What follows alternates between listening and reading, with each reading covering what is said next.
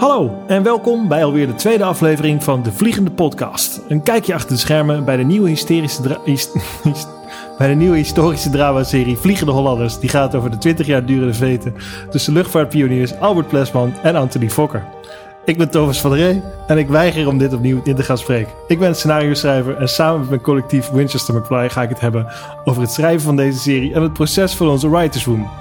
We gaan praten over de echte Fokker en Plesman, over de historische gebeurtenissen waar we de serie op gebaseerd hebben en ook over alle problemen waar we tegenaan liepen. Welkom bij de Vliegende Podcast. En welkom ook Joost Rijmers, live uit Utrecht. Hallo. Hoe voel je je? Ja, eh, wel beter dan gisteren. Eh, Ja? ik, eh, ik heb gisteren een coronatest laten doen. Nog geen uitslag. Eh, het zou me niet verbazen als het positief is. Want ik had echt een behoorlijke eh, koortsaanval de afgelopen dagen. Maar het gaat nu wel weer een eh, stuk beter gelukkig. Nou, gelukkig.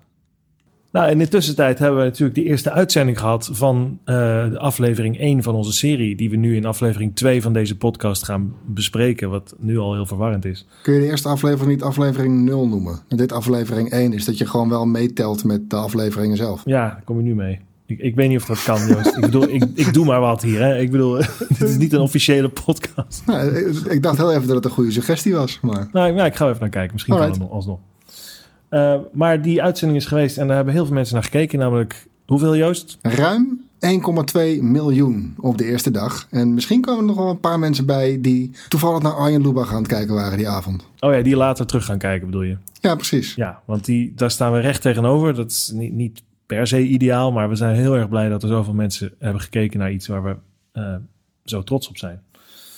Eh, en daarnaast zijn inmiddels ook de recensies uitgekomen. En eh, ja, je kan je afvragen wat je belangrijker vindt. Hoeveel mensen er kijken of goede recensies. Maar ook die recensies zijn heel erg goed. Dus we zijn gewoon... We, we hoeven niet te kiezen. Het is allebei Nee, gewoon precies. wel goed. vier Ja. sterren Volkskrant, vier sterren NRC. Eh, Trouw was ook heel enthousiast. Die geeft geloof ik geen sterren. Nee, Parool volgens mij ook niet, maar ook enthousiast. Ja, het, is echt, eh, het was echt heel erg fijn en, en leuk om te lezen. Dat eh, zeker de dingen waar we heel erg hard voor geknokt hebben in de schrijffase om die goed te krijgen, dat die overkwamen op een bepaalde manier. Dus met, met heel veel plezier en goede moed gaan we het vandaag hebben over de eerste aflevering, namelijk De Elta. Maar dat ga ik niet doen met jou, Joost. Dat ga ik doen met Sarah Alveringa. Jee, Saar. Die, eh, dat gesprek heb ik al een paar weken opgenomen. Eh, en daar gaan we straks naar luisteren, omdat die aflevering... Het gesprek heb je in een paar weken opgenomen. Hoe lang was het gesprek, Thomas? Ja, dat, je kent Sarah Joost. Die is, eh, als die eenmaal begint. Een paar weken geleden, sorry. Maar die, die, die eerste aflevering was een beetje een puzzel. Omdat die, zoals ik vorige week al cliffhangerde... in de laatste fase van de preproductie behoorlijk aanzienlijk moest herschreven worden. En vandaag gaan we het hebben over waarom en hoe. Wie we niet aan het woord gaan horen is Mark Tierix, de luchtvaarthistoricus. Die heb ik wel opgenomen, maar toen ik het terugluisterde... dacht ik, het is eigenlijk zonde om dat te versnijden met ons gepraat. En bovendien worden die podcasts zo ontzettend lang. Dus ik heb eh, besloten om hem zijn eigen eh, spin-off afleveringen te geven. Tussen de afleveringen van deze podcast door. Eh, dus over een paar dagen verschijnt mijn gesprek met Mark Dierix over aflevering 1. En wat er nou eigenlijk wel is gebeurd en wat er nou eigenlijk niet is gebeurd. Eh, maar vandaag alleen de schrijvers. Nu eerst ik en jij Joost. Eh, straks Sarah en ik spreek jou aan het einde nog even. Yes, spreek je zo. Vliegende, vliegende, vliegende, vliegende, vliegende, vliegende podcast. Hallo. Stel jezelf maar even voor. Eh, ik ben Sarah Offringa. Ik ben schrijver en jouw collega. Ik heb stage gelopen bij Winchester McFly. Ik heb niet meegeschreven aan Vlieghollanders, want dat was precies in de tussentijd tussen mijn stage en mijn, eh, mijn return. Jij was onze eerste stagiair. Zeker. Want je zat op de filmacademie en we kregen een mailtje van je dat je hier graag stage wilde lopen. Mhm. Hoe hoe kwam je daar in godsnaam bij? Want wij vonden het heel raar. Volgens mij was Michael was op de filmacademie geweest om het over smero's te hebben. Toen dacht ik, eh, dat lijkt me wel leuk. En toen, eh, voor ik het wist, eh, was het eigenlijk een soort van voor me geregeld. Ja, wij hadden eigenlijk geen idee wat we, wat we met de stagiair moesten. Nee, Dus ik weet ook niet wat, wat je gedaan hebt in die eerste periode. Was dat toen we aan Smeres werkte? het was nog staartje van smeren. Het was vooral voor Jim. Oh ja. Oh ja. Volgens mij vooral gewoon een beetje hier rondgehangen en... eh, Ja, je begon een beetje eh, als, een soort van, als een soort van moederfiguur... begon je appeltjes te schillen Ja, voor ons tijdens brainstorms. ja, We weten eigenlijk nog steeds niet zeker of je het nou heel erg leuk vond hier... of dat het meer een soort van een soort Stockholm... verlengd proces Stockholm-syndroom, was, ja. ja. Nee, ja, ik eh, vond het toen al heel leuk. En ik denk ook dat het grote verschil was ook dat ik op de filmacademie best wel voor mijn gevoel omringd werd door mensen. En er kwamen veel mensen eh, spreken die een beetje zweverig waren en heel arthousey. En, en toen ik hier kwam was eigenlijk, dus was al in het derde jaar van de filmacademie. Dat was voor mijn gevoel een beetje de eerste keer dat ik soort van met mensen sprak die hetzelfde leuk vonden. Ja, ja. Dus toen dacht dit was ook, dat was wel een groot deel ervan, denk ik. Dat ik dacht, laat ik daar maar terugkomen, want daar kun je gewoon tenminste jezelf zijn. Ja. Ja, maar je hebt eigenlijk het hele proces van Vliegende Hollanders dus gemist. En je kwam er weer in toen het allemaal een beetje op, eh, op poten stond. Ik heb het helemaal gemist. Ik kan me een keer herinneren dat jij mij buiten de Albert Heijn vertelde dat er iemand was die iets over het begin van de KLM wilde maken. Toen ik terugkwam, toen was het min of meer we afgeleverd. Oké. dus ik heb het echt 100% gemist. Ja, nou dat is niet helemaal waar. Ehm, nou, laten we daar meteen maar induiken. De aflevering zoals die nu is, en ik, ik ben er heel blij mee, maar dat is niet hoe die heel lang was. Het was de eerste aflevering die ik schreef. En aflevering 1 is eigenlijk in die jaren niet enorm veranderd qua structuur. Tot een paar maanden voor het draaien. En ik dacht dat het misschien wel leuk zou zijn om even kort te praten door die versie zoals die er lag. En ehm, zodat we ook een beetje snappen wat de verschillen zijn die we in de laatste fase hebben aangebracht en waarom. De versie die ik nu voor me heb is van januari 2019. Ja. Dat is versie 6. Even voor het idee. De opnames stonden gepland voor mei 2019.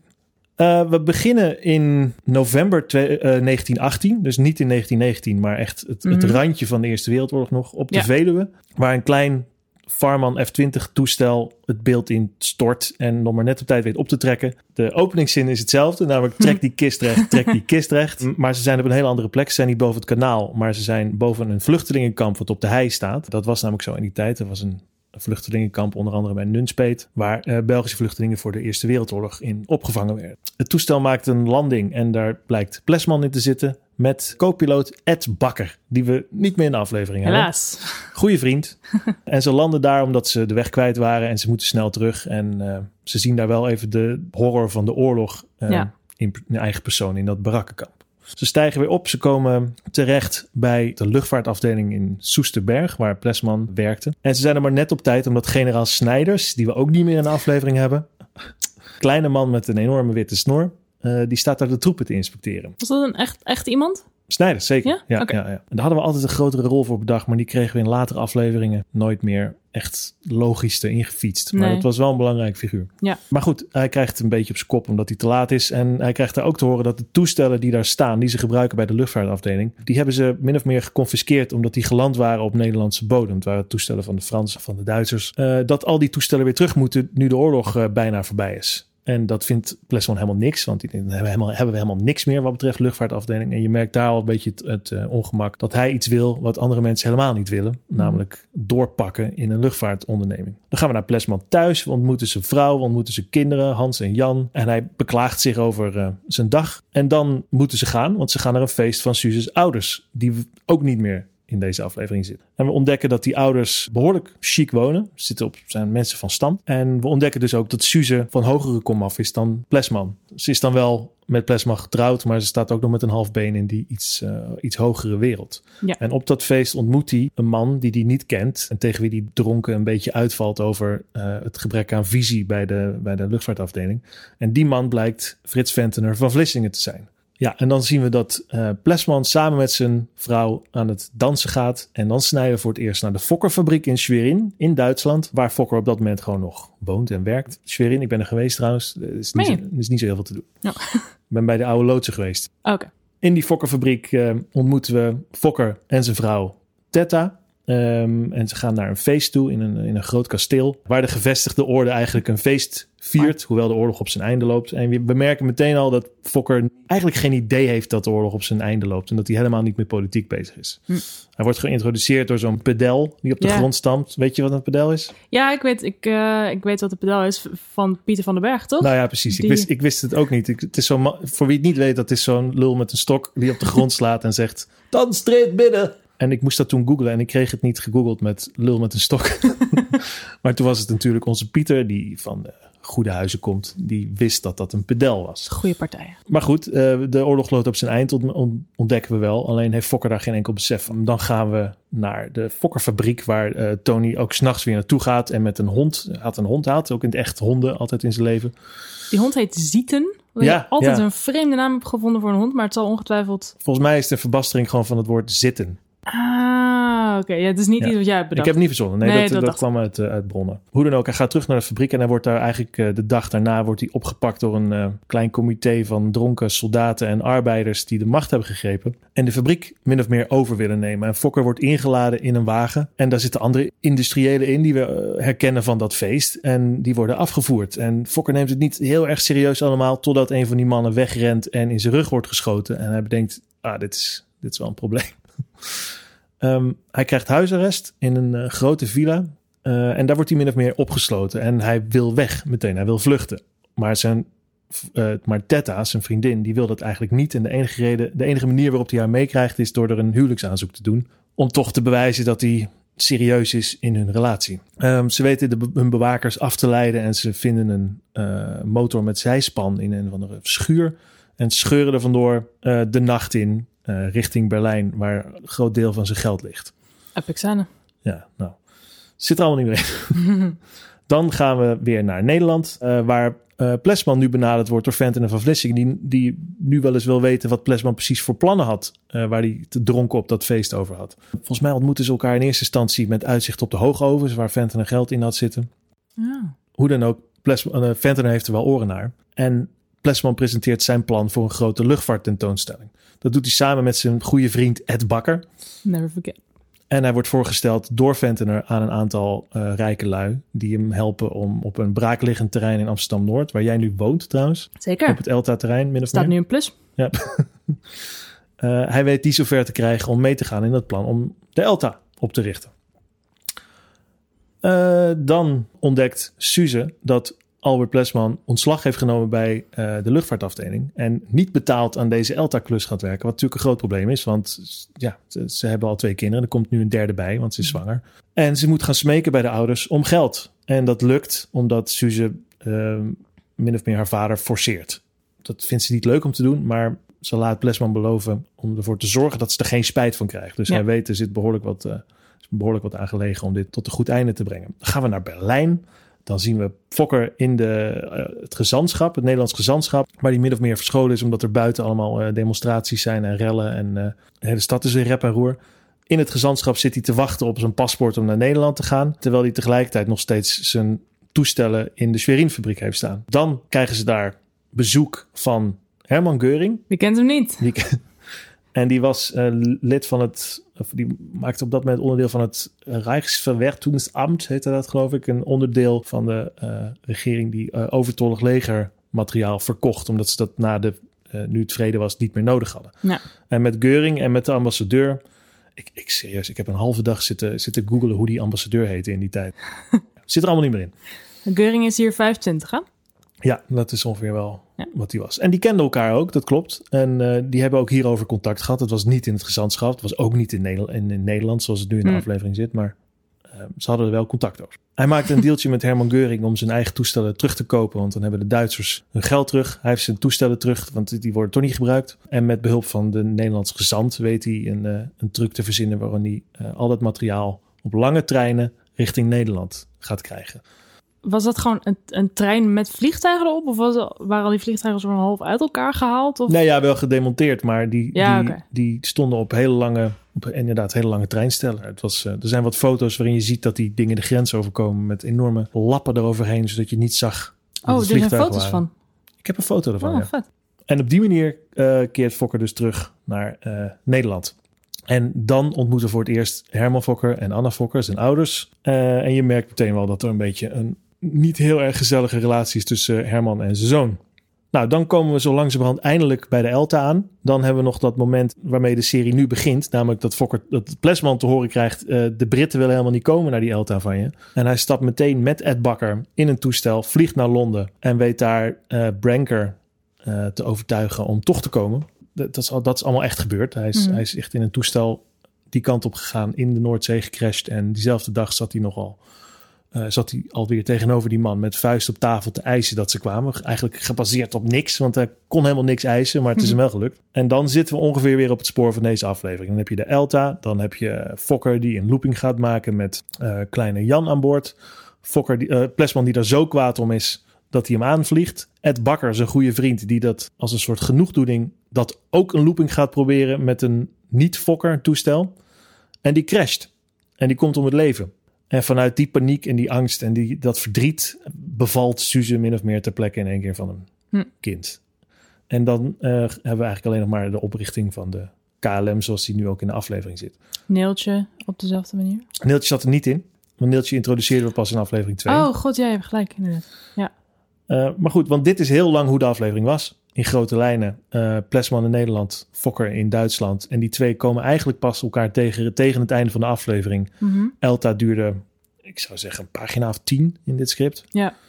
Eh, en nu duurt het de hele aflevering. Dus waarom hebben we dit zo veranderd? Omdat ik in februari 2019, dus een paar maanden voordat de opname zouden beginnen, werd ik in één keer gebeld door Itze, eh, de producent, met eh, het nieuws dat we nogal een groot probleem hadden. En ik had al productioneel wat behoorlijke rewrites gedaan, maar dat bleek nog steeds niet genoeg. En toen sprak ik deze voice app in, in onze Vliegende Hollanders groep.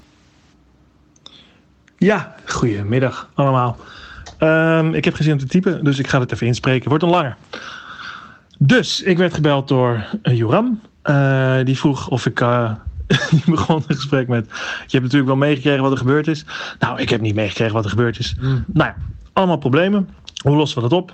Joram wil heel erg graag vasthouden aan eh, de structuur van de serie en de afleveringen zoals die er nu ligt. En Itze die ziet dat eigenlijk niet zitten en die heeft morgen een afspraak bij Avrotros om te vragen of het in plaats van acht afleveringen ook zeven afleveringen kunnen worden. Daar was Joram niet helemaal voor. En ik was ook helemaal niet voor natuurlijk. En hoe dan? Maar ik moet zeggen, ik denk er nou een uurtje over na.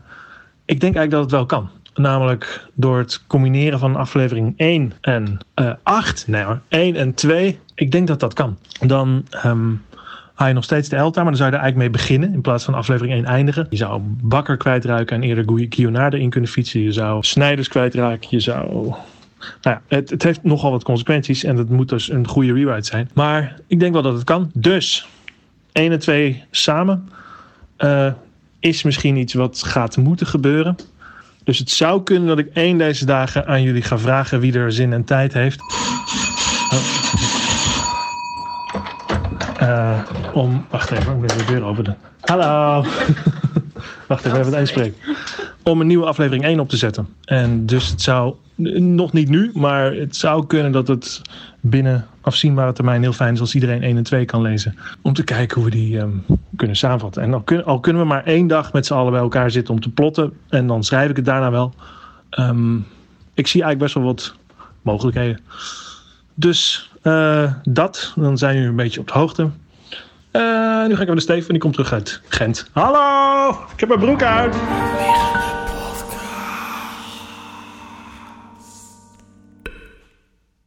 Dus toen moesten we een paar maanden voor het eh, draaien eigenlijk aflevering 1 en 2 combineren. Dat leek me de enige oplossing om dit op te lossen. Ehm, en het idee wat ik dus toen al had, is dat we eigenlijk alles op de Elta zouden vertellen. Zodat we die, die set en die locatie gewoon veel meer konden gebruiken dan nu. Dat betekende dat we heel veel elementen van aflevering 2 in één moesten stoppen. Dus toen zijn we begonnen met het eh, opnieuw ja, plotten eigenlijk van die aflevering. We hebben toen hier op kantoor een lijstje gemaakt met dingen die we per se nodig hadden om te vertellen. Mhm. En toen was het een kwestie van puzzelen. Van hoe gaan we deze dingen in een nieuwe aflevering plaatsen? En daar was jij bij. Daar was ik bij. Ja, toen heb je aflevering 1 en 2 gelezen. En toen heb je nog. eh, toen hebben we volgens mij met, met z'n allen een middag gezeten om dat allemaal bij elkaar te, Ja. te, te fietsen. En daar kwam een plan uit wat, eh, waar iedereen best wel blij mee was. Mhm. Omdat het heel veel productionele problemen oploste. En omdat ik zelf ook wel vond dat het een aantal inhoudelijke behoorlijk wat winst Zeker. had. Ja, toen ik het las vandaag, toen, damn, het was echt heel erg anders. Nou ja, het heeft natuurlijk nadelen en voordelen dat het nu zo anders is geworden. Dus ik dacht, misschien kunnen we het daarover hebben. Ik bedoel, voor mij is een, een, een groot nadeel dat het... Ja, er is zo'n zo'n regel waar je eh, eh, aan, aan probeert te houden als schrijver. Namelijk show, don't tell. Als je iets kan laten zien, is het over het algemeen veel spannender en dramatischer dan als iemand het je vertelt. En in deze nieuwe versie heb je wel meer tell dan show. Eh, in vergelijking met die vorige versie. Ik bedoel, die hele backstory van Fokker. Plesmans hele missie, het ontstaan van de Elta. Die scène met Branker is best wel lang. Ik kreeg hem niet korter. Maar daar moet best wel wat in uitgelegd worden. Ik kwam wel grotendeels nog overeen met hoe die er stond, voor mijn gevoel. Oh ja? Ja, maar er veel gewoon qua exacte dialoog is best wel wat van behouden voor mijn gevoel. Van die Branker scène. Ja. ja, ja, dat zou kunnen. Maar ik moest wel Fokker introduceren via Branker in plaats van dat we hem konden zien. Ja, dat is waar. Ik kon natuurlijk sowieso Fokkers hele Duitse leven minder laten zien. Omdat eh, we snijden voor het eerst naar hem als hij aankomt op de Elta. In plaats van dat we zien... Kijk, zijn hele leven in de Eerste Wereldoorlog is best wel boeiend. Maar het- voor ons is het niet zo belangrijk... omdat hij Plesman toen nog niet kende. En dit verhaal gaat over Plesman en Fokker. Dus we, we laten er nu iets van zien in die paar korte flitsen. Maar Mhm. dat is het ook eigenlijk. En dat, dat is wel een beetje jammer. Ja. Ja, en je begint natuurlijk ook gewoon, gewoon bijna een jaar later. Eh, zomer twe- eh, 1919. Ja. Ja. Ja. Nee, het is een flink, flinke tijdsprong. Ja. Wat er nog meer enigszins jammer aan is. Nou ja, dit vind ik niet jammer, maar die, eh, het hele verhaallijntje met die Russen, dat zat oorspronkelijk in aflevering 2. Dus dat hebben we naar deze aflevering toegefietst. Sh- Shi- Shirinkin. Shirinkin. Shirinkin. Ja, en daar hebben we Geuring bij gefietst, wat ook niet helemaal klopt. Maar dat hele Russische handeltje van hem, ik geloof dat dat rond ehm, 1923 eigenlijk pas plaatsvond. Hmm. Dus dat was eigenlijk al een kleine verschuiving toen we dat in aflevering 2 hadden. Want die Ja. speelde zich af in 1921. En nu hebben we het zelfs naar 1919 getrokken. Dus Ja. dat is wel echt randje van dat het überhaupt ergens op slaat. Wat ook anders moest was Neeltje. Neeltje introduceerden we eigenlijk pas in aflevering 2. En Neeltje, Als, in- als actrice, toch? ja, dat, is, dat, is, dat werd ook al. Haar hele personage werd eigenlijk anders. Hm. Want hoe wij introduceerden in aflevering 2 was omdat we ontdekten dat het oorspronkelijke KLM-kantoor op de Herengracht in Den Haag, dat zat boven een. Het was eerst een theater en later werd het een bioscoop. Dus toen dachten we, hoe kunnen we Neeltje, een eh, fictieve secretaresse die we de hele reeks wilden doortrekken, hoe kunnen we die introduceren? Het leek ons leuk om haar als actrice te introduceren. Plesman wordt verzocht door de raad van bestuur om een secretaresse te nemen. Want het is een beetje gênant dat hij zijn eigen koffie in moet schenken. Ah ja. Hij heeft op dat punt al een paar keer gepraat met Neeltje, die vaak op straat eh, staat te roken. Met eh, collega-acteurs. Mensen die hij laat solliciteren, vindt hij allemaal niet geschikt. En dan vraagt hij uiteindelijk aan haar: Wil jij niet eh, voor mij komen werken? En zij zegt: Ja, maar ik ben actrice. Nou, dan zegt hij: nou, Dan speel je toch dat je Mhm. secretaresse bent. En op die manier raakt ze betrokken bij de KLM. Maar goed, dat moest anders, want we gingen 1 en 2 combineren. Zij moest daar op de Elta ontmoeten. Dus ze moest op de Elta. En wat is er op de Elta? Nou ja, niet zo heel veel. behalve eh, vliegtuigbedrijven en horeca. Dus vandaar dat er hele backstory eigenlijk is veranderd. Werkt prima. Ja, vind je prima werken? Ja, ik vind het wel leuk. Ja, het zit altijd Het nog steeds een beetje in mijn achterhoofd dat, dat ze... Nou ja, dat ze gewoon anders is. Ja, je ziet er nog steeds als, als actrice. Nou ja, ik moet wel zeggen dat we daar ook wel moeite mee hadden... om daar, om daar heel veel mee te doen in latere afleveringen. Ja, goed. Dus heel erg missen doe je het denk ik niet. Maar het is echt een totale verandering. Maar dat is de enige oplossing die we hadden eigenlijk. En ik vind het wel heel leuk hoe ze nu samenwerkt met Plesman om, eh, om die mannen af te luisteren.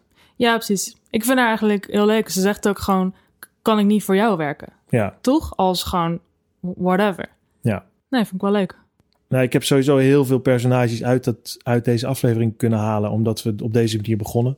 Dus al die de, Nederlandse gezanten en eh, eh, generaal Snijders zitten niet Mhm. meer in. Dat scheelt natuurlijk productioneel best wel aanzienlijk, want je hoeft al die acteurs niet eh, in te huren. Voor mensen in de fabriek met Fokker in... In Duitsland, die heb je niet meer. Maar ja, het, het, het, het nadeel is ook dat je de oorlog, de Eerste Wereldoorlog, wat minder voelt. Want we beginnen een, een dik half jaar nadat die klaar is. ja, En de enige manier waarop je hem nu nog voelt, is eigenlijk een overblijfsel van die, eh, dat vluchtelingenkamp waar oorspronkelijk de serie mee begon. ja. Namelijk die kleine eh, gietijzeren markeringstekentjes van die kindergraven. Want dat zijn, zoals ze nu in de serie zitten, dat, zo staan ze er nu nog steeds. Mee. Ben Ja, dat je zijn daar echt, geweest ook? Ik ben niet geweest, maar ze hebben er wel gedraaid.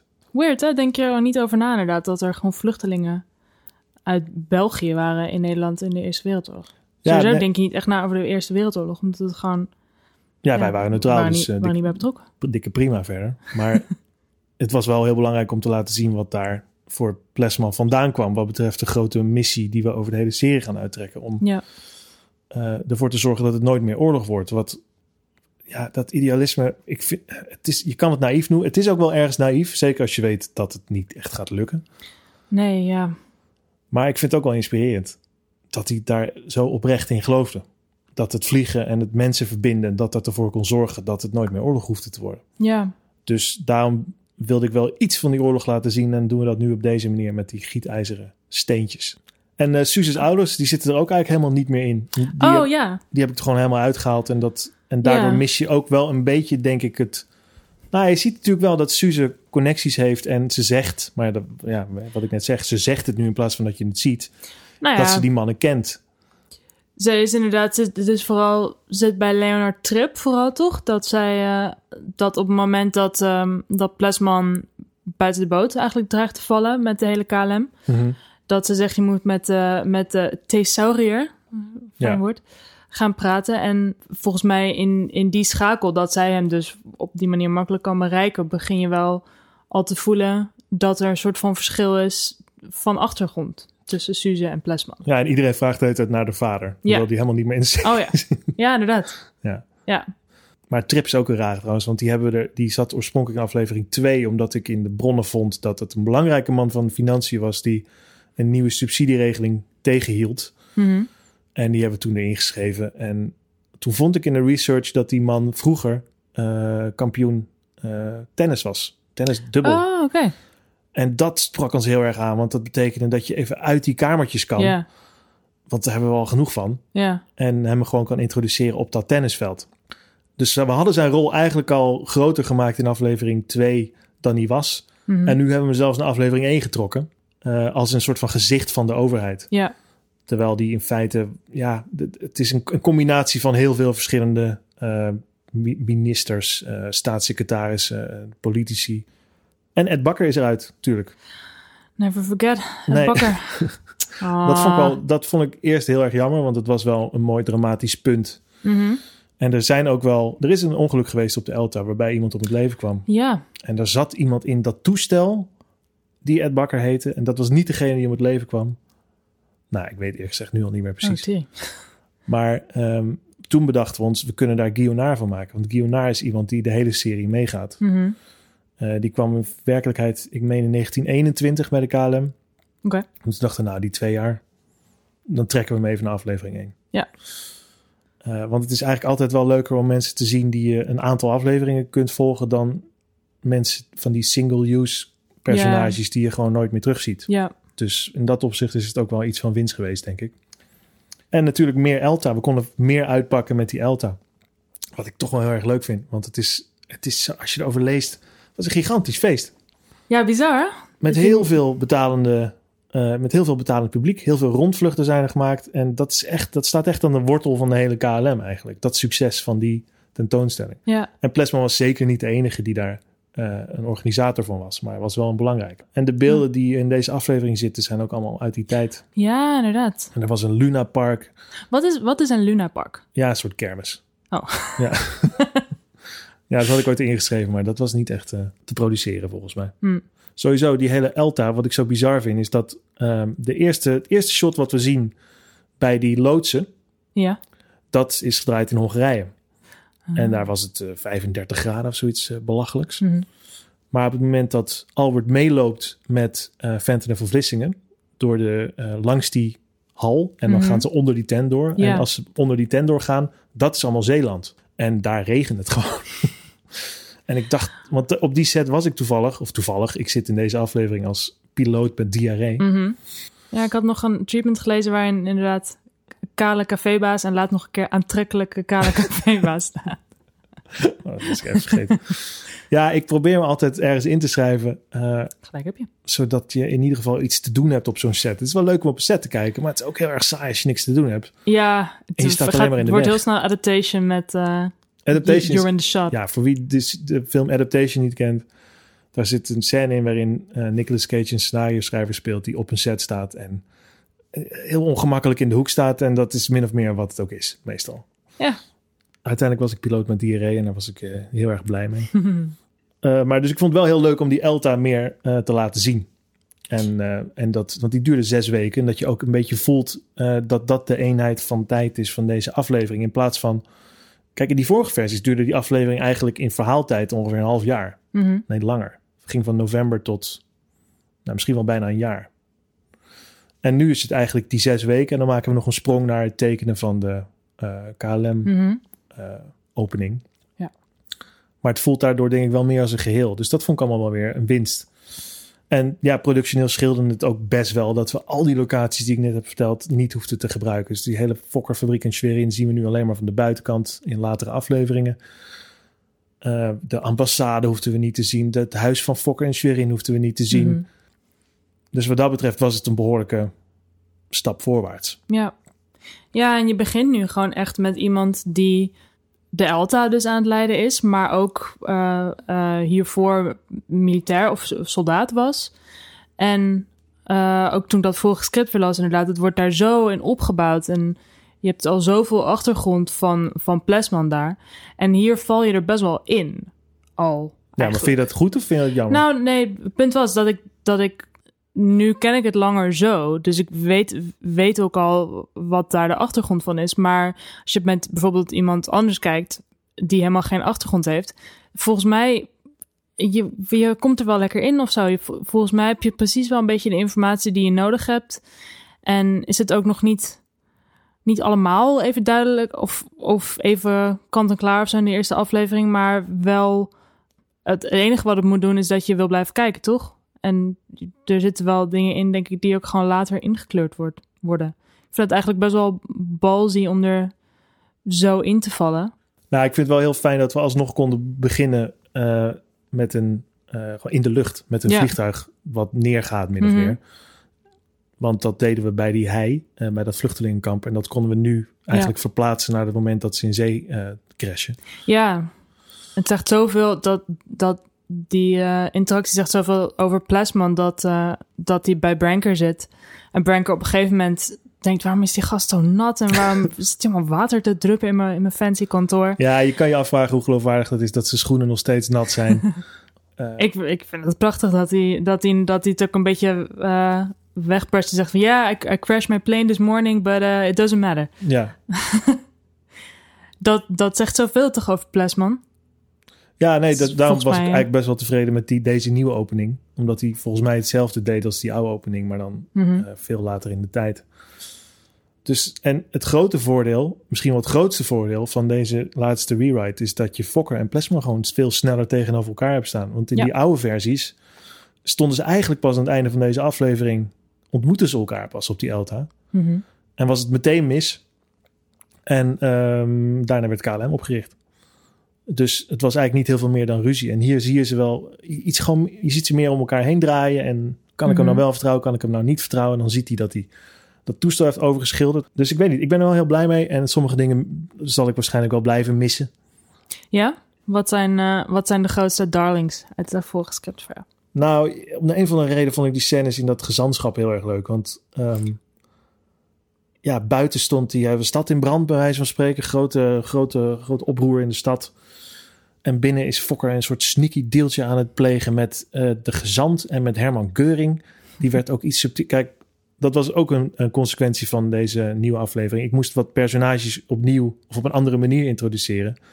En waar ik dat in die vorige versie iets subtieler kon doen, dacht ik hier, nou, ik zet maar gewoon een naam in beeld. Want ik weet ook niet waarom die anders zijn naam zou zeggen op dit punt. Nee, nee, nee. Precies. Kijk, Herman Geuring, daar staat gewoon naast Herman Geuring. Ja. Want die kennen elkaar. Dus het is niet echt een reden waarom die. Ja, dan Nee. krijg je van die hele lelijke zinnen van. Nee, ik, dit, ik, Herman Geuring, zou graag. nee, maar dat werkt prima, toch? Ja, dat vind ik ook wel leuk. Maar Ja. dat is wel anders dan het was. Het is ook, het is ook leuk als het Herman Geuring is. Is Ja. geen goede zin bij het context, maar het zit in diezelfde scène zit een van mijn favoriete lines uit, eh, uit dat script.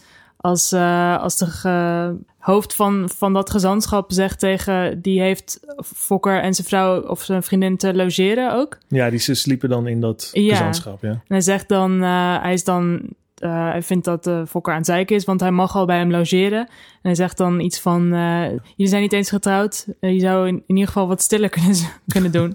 Want niet getrouwd, dat was toen nog een ding. Ja. En hij zegt dan, het zijn Franse toestanden. Echt waar? Dat kan me niet aan me herinneren.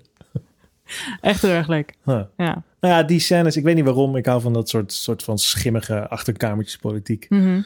Eh, dat vond ik altijd heel erg leuk. Dus dat mis ik een beetje. En eh, natuurlijk is het jammer dat we niet Fokker in zijn gloriedagen kunnen zien. Wat grappig is, je, je, in beide afleveringen vertel je dat Fokkers best wel eh, is dus een aandachts eh, publiekstrekker bij, ehm, bij de Elta. Ja, een public En- pooler. Een, een public pooler. En dus een soort van, een soort van celebrity in, in Nederland. Mhm. Hoe, hoe zat dat? Want hij, het is een vliegtuigbouwer. Ik zou nu niet echt een vliegtuigbouwer kunnen noemen. Nee, maar dat is, dat is wel het verschil in tijd inderdaad. Wel, hij was wel echt een soort van de rock and roll ster van, eh, van dat moment. Iedereen Mhm. kende wel de naam Fokker. Het is een soort van eh, Elon Musk-achtig. Ja, Dus- ja. Dat die manier. vind ik niet, geen verkeerde vergelijking eh, als het gaat over Fokker. Want eh, het is ook wel waar dat zijn naam gewoon heel veel mensen naar die Elta heeft getrokken. En hij heeft een aantal rondvluchten gemaakt met Tetta. Ook met zijn vader trouwens, maar daar kon ik niet echt een plek voor vinden. Mhm. Maar dus ondanks dat hij dus in Duitsland woonde en... Ja, in die tijd was Nederland veel meer eh Duitsgezind dan in de Tweede Wereldoorlog. Ja, Met logische reden. Dus ik geloof niet dat mensen, het grote publiek hem dat enorm kwalijk nam. nee, het was dat ook hij niet daar, had daar geld verdiend en hij had niet, had niet eh, persoonlijk eh, in die kisten gezeten. Hij verkocht ze alleen maar. Ja, ja. Dus ze deden het goed. En de Rode Baron eh, vloog in een Fokker. Wie is de Rode Baron? De Rode Baron is von Richthofen, een beroemde piloot uit die tijd, een beroemde aas. En die vloog in een, in een rode Fokker. Oké. Die, die, die was gewoon legendarisch en beroemd en nog steeds zelfs. Dus hij had een enorme naam. Dus mensen wilden hem ook graag terug hebben naar dit land. Om het hier eh, te proberen. Het feit dat hij er meteen weer vandoor wilde met zijn vrouw om op een eh, wereldreis te gaan. Dat eh, kwam even verkeerd uit. Dat, is, dat is ook. Dat doet hij nu een beetje. Nu blijft hij in Nederland een beetje door de druk van zijn vader. Mhm. Maar in werkelijkheid had hij eigenlijk volgens mij binnen korte tijd al een soort van kantoortje begonnen op het Rokin. En het is gewoon een workaholic. Net als Hmm. Plesman, die alleen maar met vliegen bezig is. Er kwam gewoon niet zoveel terecht van die, van die grote plannen van hem. Want hij heeft het vliegen altijd belangrijker gevonden dan, dan de vrouwen in zijn leven. Ja, En Tetta was ook iemand die ehm, dochter van een generaal. was dochter van een generaal, zo introduceerde er oorspronkelijk ook. Dat kon nu niet echt meer. Hm. Eh, iemand die gewend was om aan een soort van celebrity leven. En nu kwamen ze in Nederland terecht. Ja, dat viel dat een beetje weg. En Fokker was weer alleen maar bezig met vliegen. Hm. En eh, nou, je merkt in deze aflevering al wel dat die relatie niet echt geweldig is. Nee. Maar goed, op de, oh, in de grote lijnen is het einde van deze aflevering nog steeds het einde van de oorspronkelijke eerste aflevering. Mhm. Namelijk de KLM is opgericht. Ja. En Plesman wordt aan het hoofd gezet als administrateur. En Fokker wordt de huisleverancier. En Fokker wordt... hui- Ja, precies. Ik zag trouwens... Ik, je hebt die scène bij die tekening dat eh Ventener zegt... We gaan in zee met... Oh, daar heb je hem net. ja. En dat moet ik echt niet meer doen. Want ik zag het laatst ook in een aflevering van All Stars die ik geschreven had. Dat iemand de zin niet afmaakt door te zeggen... Oh, daar heb je hem net. En ik zag het volgens mij nog in een ander script staan. Dat is echt een soort trucje waar ik gewoon even mee, even mee moet stoppen. Weet je wat een trademark is? Dat in bijna elk script wat ik schrijf... zegt iemand nou hup tegen iemand anders. Oh ja? Ja, Ah. Ja, ik zag nog iets wat me, wat me aan jou deed denken. Gewoon aan hoe, hoe jij praat. Oh ja? Volgens mij was het iemand die zegt... De Britten doen niet meer mee. En dat... eh, dat zeg ik altijd. nee. En Plasman zegt... Hoezo, de Britten doen niet meer mee? Ja, ik weet niet. Deed mij aan jou denken. Want ik herhaal vaak wat iemand zegt. Ja, ik weet niet. Het is toch vaak... Ik heb het ook... Vooral ook dingen die... eh Ponyplays bijvoorbeeld... Hoor je echt jou en Joost praten. Maar als ik dingen van Michael lees... Dan hoor ik ook gewoon Michael praten. Ja, maar dat Maar- is zo. Ik heb dat zelf helemaal niet zo door. Nee, maar ik natuurlijk lees niet, het wel maar- bij andere mensen. Maar ik, ja, het is ook logisch dat het bij mij ook wel gebeurt. Ja, maar het is ook omdat ik je veel hoor praten. Oh ja, Want ik zie sorry. je elke dag. nee, Ja. maar ik vind dat wel leuk. Ik denk dat als, als ik zou bij ons op kantoor, als iedereen gewoon één pagina dezelfde scène zou schrijven, je, je pikt het er zo uit natuurlijk. En niet aan, ook, ook als het alleen dialoog is. Ja, maar dialoog zijn wat dat betreft ook wel pittig om voor elkaar te schrijven. Ik bedoel, we, we, we, sowieso kunnen we heel erg goed plotten met elkaar. Mhm. En, maar soms schrijven we ook afleveringen die iemand anders moet herschrijven. In dit geval was ik degene die de laatste versie schreef van de scripts. Mhm. Jij bent het bij andere series, Michael is ja, iedereen is het wel bij een bepaalde eh, project. En kijk, plot kun je het, plotstructuur kun je het gewoon uitgebreid over hebben met elkaar, maar dialoog is toch iets wat je, Ja. wat je op een bepaalde manier goed vindt of niet. En daar kan je niet echt zulke duidelijke afspraken over maken. Dus als ik een script krijg van iemand waarvan ik denk, ja, dit is wat we afgesproken hebben, maar ik moet wel alle dialoog aanpassen, anders Ja. klopt het wat mij betreft niet bij de toon van die andere afleveringen. Dan is dat eh, niet echt iemand schuld, maar dat is soms wel veel werk. Tricky. Ja. Ja. Hoe heb je dat eh, aangevlogen met deze serie? Omdat het zich nou nu iets meer dan 100 jaar geleden eh, afspeelt.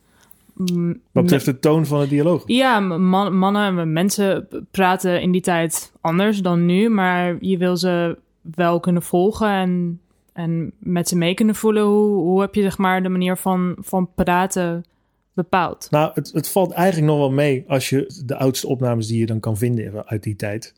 Eh, mensen zetten over het algemeen een, een, een beetje eh, eh, theatrale stem op als ze werden opgenomen. Mhm. Maar een enorm verschil met hoe we nu praten was het nou ook weer niet. Maar ik, ik heb niet echt een enorme bewuste poging gedaan om het allemaal 100 jaar oud te laten klinken. Ik, want dan raak je er volgens mij ook heel erg uit. Ja, En, en over het algemeen, als ik twijfelde of een bepaald woord al in die tijd werd gebruikt, ging ik het opzoeken en kwam ik erachter, ja, dat werd al lang gebruikt. ja, Ook ja. veel meer Engelse termen dan ik zou verwachten. Air-minded Ja. en, en dat soort dingen. Air-minded, dat, dat is echt iets uit die tijd. Het stond volgens mij in de Elta-folder ergens, zag ik dat. Bizar. Ja, dat, Ja. eh, dat verbaasde mij ook. Ik heb wel geprobeerd het woord oké eh, eruit te krijgen. Want ik kreeg echt nergens gevonden dat dat in die tijd al gebruikt werd als een, eh, als een bevestiging, zeg maar. Jij zegt iets Ah. tegen mij en dan zeg ik oké. Maar het is toch weer een paar keer ingeslopen in de opname, volgens mij. Ja, ja, ja. Eh, ja, dat soort dingen. Het is een beetje op gevoel. Hm. En sommige personages zijn, voelen wat moderner aan dan andere personages, denk ik. Iemand als Ventner praat in behoorlijke volzinnen. Mhm. Maar Fokker eigenlijk helemaal niet. Nee. En voor Fokker was wel leidend dat, ik, dat we wat opnamen hadden van... eh, dat was wel uit latere jaren. Maar we konden wel horen praten. Cool. En het klonk best wel plat. Eigenlijk platter dan nu in de serie zit. En de manier waarop bijvoorbeeld Suze en Plasman tegen elkaar praten. Ja, Suze is... Hoe zij nu Plesman helpt, dat, dat vind ik heel leuk. Mhm. Dat is niet per se hoe het ging. Hm. Zij was eh, getrouwd. Ze was onder haar stand getrouwd. En dat is iets wat ze echt geforceerd had bij haar vader. Dat is waarom ik die ouders een beetje mis. Ze, is, ze, is, ze was huisvrouw. Ze, ze hadden vier kinderen uiteindelijk. Spoiler. Ehm, en zij werd altijd een beetje gezien... Als Plesman de vader was van de KLM, dan was zij de moeder. En ze deed alles voor die man. Stond in een eh, biografie die een van zijn zoons geschreven had. Die liep echt het hele huis achter hem aan om hem koffie en thee te brengen en zo. En dat, dat vertaalt niet per se heel erg spannend naar nu. Als je dat nu zou zien, dan voelt dat ouderwets. En Ja. dit, ja, dit is 100 jaar geleden. Dus we hebben haar wel geprobeerd iets actiever te maken. En iets meer eh, beslissingen te laten nemen. Niet alleen in het huishouden, maar ook in, in zijn beslissingen over de KLM. Dan waarschijnlijk in het echt hebben plaatsgevonden. Ja, dat, dat vonden we wel nodig. Want anders Ja. is het gewoon. eh, die rollen, zo'n Suze Plesman is gewoon moeilijk om die te schrijven zonder dat ze vervelend wordt. Ja. Want je wil hopelijk als kijker dat zo'n Plesman doorgaat met zijn avontuur en met, zijn, met die verwikkelingen met Fokker.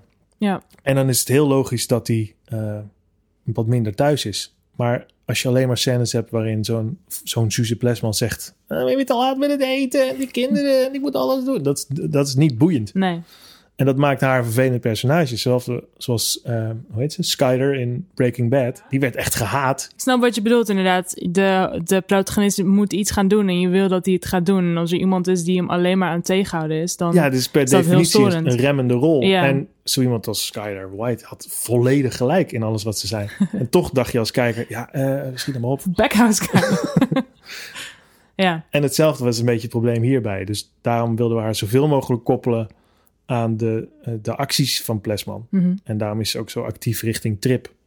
Er zat nog in het oorspronkelijke script. Dan is er een scène tussen hen in de slaapkamer volgens mij waarin ze daar ruzie over hebben. En, en zij zegt, ehm, ik ben meer dan een, eh, dan een kinderoppas.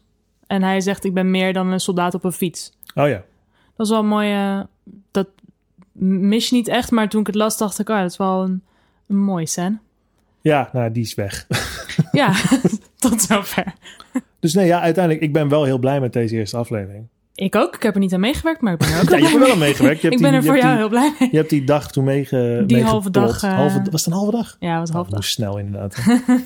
Wat is je favoriete eh, line in deze aflevering? Ja, ik moet heel erg lachen. eh, en ik ben volgens mij de enige. Om een Ventener die met een appeltje in zijn zak. Wat we ergens, hij zelfs, dat is zelfs ergens op gebaseerd. We lazen dat ergens in een biografie of zo. Dat hij altijd een appel in zijn zak had. Waardoor hij zo'n zo'n bol Dacht. zakje had. Ah, dat, was wel, dat was iets anders, denk ik. En eh, Jan vraagt of hij dat eh, appeltje mag. En dan zegt hij nee. en, dan, en dan negeert hij hem verder. En eh, ik weet niet waarom. Ik vind het heel grappig. Ja.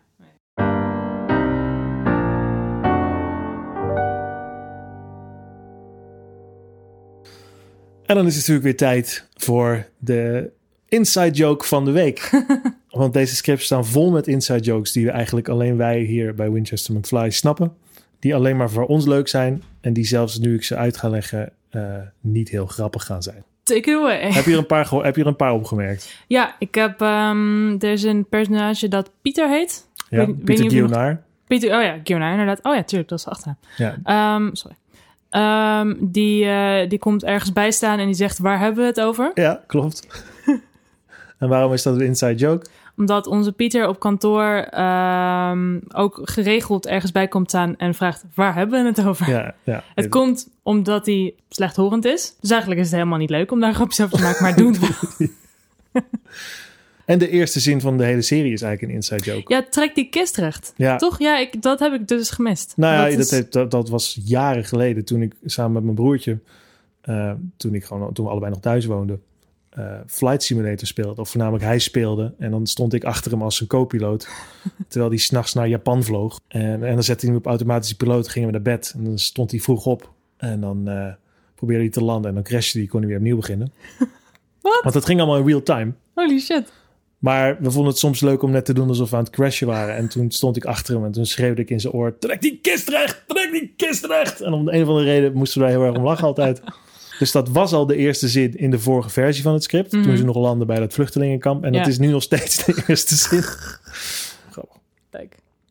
Is er, nog een, er zit één inside joke in die... eh, op het moment dat Suze tegen Plasma zegt dat hij zijn sportkleren aan moet doen... Oh ja. dan zegt ze aan het einde van die scène verdwijn. Oh ja. En dat is iets wat, eh, wat mijn vriendin eh, op een gegeven moment een stuk harder tegen me schreeuwde. Op een piste in, eh, in, was het, in Frankrijk. Toen ik er min of meer in haar woorden had geforceerd om te leren snowboarden. En ze lag halverwege de piste ergens en alles deed pijn, want ze viel steeds. en ik kwam naar haar toe geskiet. En ik vroeg of ik haar kon helpen. En toen, en toen schreeuwde ze dat naar mijn kop. En gelijk had ze. Ja, nou goed. Ah, heerlijk. Vliegende, vliegende, vliegende, vliegende, vliegende, vliegende podcast. Dat was eh, Sarah Offringa. Joost, wat, eh, wat vond je ervan, wat ze allemaal zei? Ik zat op het puntje van mijn stoel. Ja, Ik had het nog niet gehoord trouwens, dus ik ben gewoon heel benieuwd als deze podcast uitkomt, dan kan ik het allemaal luisteren. Ja, het is heel, heel, heel gemeen over jou, maar misschien heb ik dat eruit geknipt. Dan. Nou, Oké, nou. Nou ja, zoals we al beschreven, het was best wel een puzzel om die nieuwe aflevering in elkaar te krijgen, maar uiteindelijk zijn we er heel erg blij mee.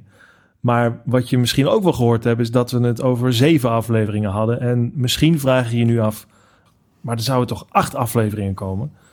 Eh, en dat, dat, dat klopt, hè Joost? Er zijn echt acht afleveringen. Ja, dat eh, was flink nog wat puzzelwerk eh, op het laatste moment. Ja, want toen ik deze nieuwe gecombineerde aflevering eigenlijk aan het uitwerken was, gebeurde er weer iets anders.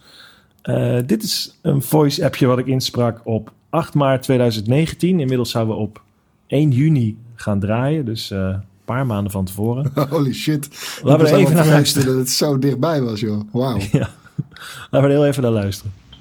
Hallo allemaal. Nou, ik weet het ook niet meer. Ik werd net gebeld door Itze. Eh, die eh, hebben eindelijk uitsluitsel van het eh, net. Ehm, en die willen toch acht afleveringen. Eh, ja, daar staan ze op. En iedereen is eigenlijk heel blij met die opzet waar ik nog mee bezig ben. Waar ik gelukkig nog niet zo heel ver mee was. Eh, die opzet voor aflevering 1.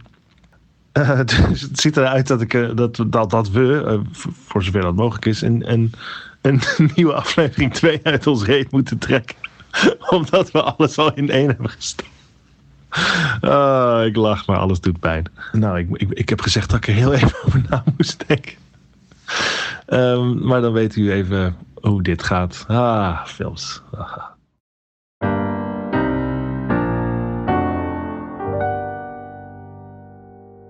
Dus ja, dat, eh, Ik, dat lijkt me eh, wel weer. Ik, ik zit weer met samengeknepen billen, eh, Thomas. Ja, en toch waren we volgens mij niet echt in paniek. Wij, wij niet in ieder geval.